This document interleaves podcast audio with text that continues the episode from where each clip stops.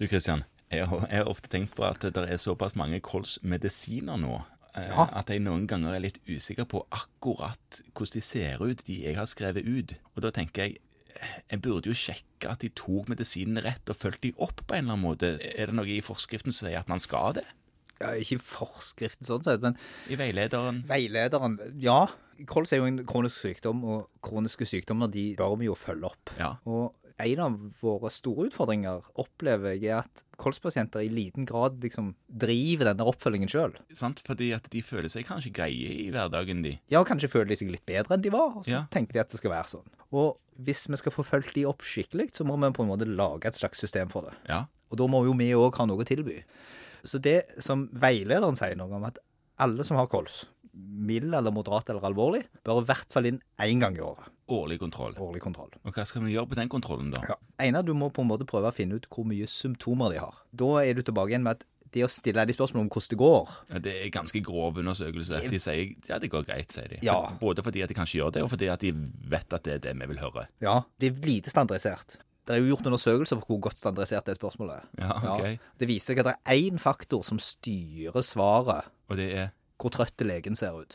Ja, sant? Ok, Så det, er det andre ting du kan gjøre da? Det er Ja, jo Da neste må du spørsmål. bruke et sånt standardisert skåringsskjema. Det har vi ikke tid til å bruke mye tid på. Nei, det finnes mange av de, men eh, det vanligste er mest brukt i dag heter kanskje CAT. Det står for COPD Assessment Test, eller KOLS vurderingstest.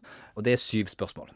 Og det er det pasienten som skal fylle inn selv. Så det er jo typisk noe som de, hvis du vet at det er en KOLS-kontroll de skal komme på, og hvis det er en sånn stor årlig kontroll, så vet en jo gjerne det. Så kunne de jo kanskje fått det når de kom, og så satt de og fulgte ut det før de kom inn til deg. Det tar to-tre minutter. Så finnes det flere av disse skjemaene, men det er kanskje et av de som er anvendelig og lett å bruke, og det finnes òg å få tak i sånne avrivningsblokker, sånn at det er på en måte Ja, nettopp. veldig tilgjengelig. Og det holder jo å bruke ett.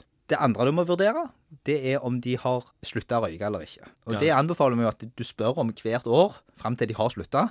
Etterpå det så er det veldig viktig at du ikke spør en som har slutta, om han fortsatt røyker. Det burde vi huske. at Det de har burde vi sluttet. huske, og de blir Altså, det er en prestasjon å slutte å røyke. Ja visst. Veldig mange av de er stolte med rette når de har slutta å røyke. Og da å bli spurt om du fortsatt røyker, det vitner om litt sånn der en eh, dårlig oppfølging. Det kan være greit å på en måte journalføre det. Så må du sjekke om de har hatt noen akutte forverrelser det siste året. Og da er det jo ofte sånn at de kommer jo gjerne når du er på ferie, eller i julen, eller i helgen. Sånn at du klassisk ikke vet om det. Sånn at selv om du nå etter hvert begynner å få gode epikriser for legevakter osv., så, videre, så er det greit å bare spørre pasienten òg har du hatt noen runder med prednisolon og amoxicillin eller bronkittbehandling det siste året. Så det må du òg telle opp. Så anbefaler vi at du dobbeltsjekker for din egen og pasientens del om de har fått vaksinene sine. Har de tatt influensavaksinen? Og så anbefaler vi at du tar en spirometri for å se hvordan sykdommen har utvikla seg siden sist. Ja, For dette er en progredierende sykdom hvis provokasjonen fortsatt påstår. Ja, uansett. Altså, de faller i lungefunksjon uansett. Mm. Kols, det skjer. Det blir ødelagt mer lungevev over tid. Betennelsen fortsetter, så de vil bli dårligere. Ja. Så det å følge med hvor mye dårligere de blir, er lurt. Særlig hvis de begynner å bli veldig dårlige. Man trenger jo en halvliter luft omtrent for å klare seg. Ja. Sånn at når man begynner å nærme seg den grensen, så kan det være lurt.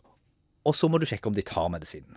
Sjekk at de tar medisiner, ja. Og Ja. ikke bare tar det, men tar de riktig. ikke minst det siste. Det er liksom det er tre spørsmål man skal stille når det gjelder medisiner. Og Ok. De bør stilles på alle astma- og kolskontroller. bør man stille spørsmålene Hvilke medisiner tar du? For det kan godt være at de på egen hånd, eller ved hjelp av en eller annen lungespesialist eller en kompis, Ja. eller et eller annet sånt, har endra på det. Har lært seg å ta det på en eller annen gal måte. Ja, for eller eksempel. slutta å ta de, Eller eller slutta, begynt ja. på noe andre. Så, Hvilke tar du? Tar du de? Ja, Som Ja. spørsmål nummer to. Ja. Fordi at én ting er hva de har stående i skapet, det andre er om de faktisk gjør det. Ja. Også det tredje. Kan du vise meg hvordan du gjør dette? Så ta med medisinen på kontrollen, kanskje. ta med medisin på kontroll. Eller så bør du som behandler utstyre deg med dummier, placeboer, sånn Ja. at du kan få de til å demonstrere hvordan de faktisk gjør det. Og det er sånn at alle som leverer sånne medisiner, Ja. de har placebo-device som du kan få, ofte med utskiftbare munnstykker. Og da vil du avdekke at veldig, veldig mange ikke tar de medisinene du trodde de tok, ikke tar de sånn som det står foreskrevet, og ikke klarer å ta de riktig. Og vi vet i dag at under halvparten av den medisinen som blir skrevet ut fra deg, blir henta ut fra apotek. Under halvparten? Ja, og halvparten av det igjen ender ikke opp inni pasienten. Fordi de tar det feil. enn oppi munnen eller i lokket på devicen Ja. eller hvor som helst andre plasser. Luften rundt, Ja. eller Forstemmende nok så er vi kanskje på rundt 25 av det vi tror vi, er, hvis vi ikke sjekker grundig.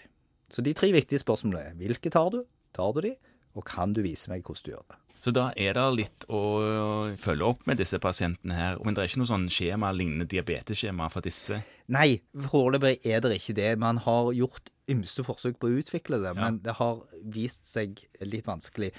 De fleste journalsystemer, og det anbefaler jeg, de går det an å lage maler i. Og det lages en sånn huskemal som da limer seg inn i journalen. Det er som oftest fort gjort som teknisk løsning, og fungerer som en veldig god huskeliste. Du må bare huske å få pasienten inn, da, sånn at du kan bruke malen. Eh, Og da anbefales det egentlig at kolspasienter kalles inn til denne årskontrollen. I tillegg, som en sånn jevn huskeregel i forhold til kontroll, som du egentlig spurte om først, så pleier vi å si at hvis du tar inn lungepasienter åtte uker etter at du har endra på en medisin, så vil du få veldig mange inn i et systematisk kontrollopplegg. Ok. For problemet i dag er jo litt det at man, man har liksom ikke noen rutine for det. Man vet ikke helt når man skal gjøre det. Nei. Altså Hvis du har diabetes, så vet de at de skal komme tre-fire ganger i året. Blodtrykkspasienter de kommer jo støtt og stadig, Ja. ikke sant? Mens lungepasienter vet vi ikke helt. Men hvis du liksom begynner med å si det at ja, men nå har vi endret medisin, da er det kontrolltime om åtte uker. Så venner du både deg selv og pasienten til at det er vanlig å gå på kontroll når man går på lungemedisin. Og så blir kanskje dette mer naturlig etter hvert.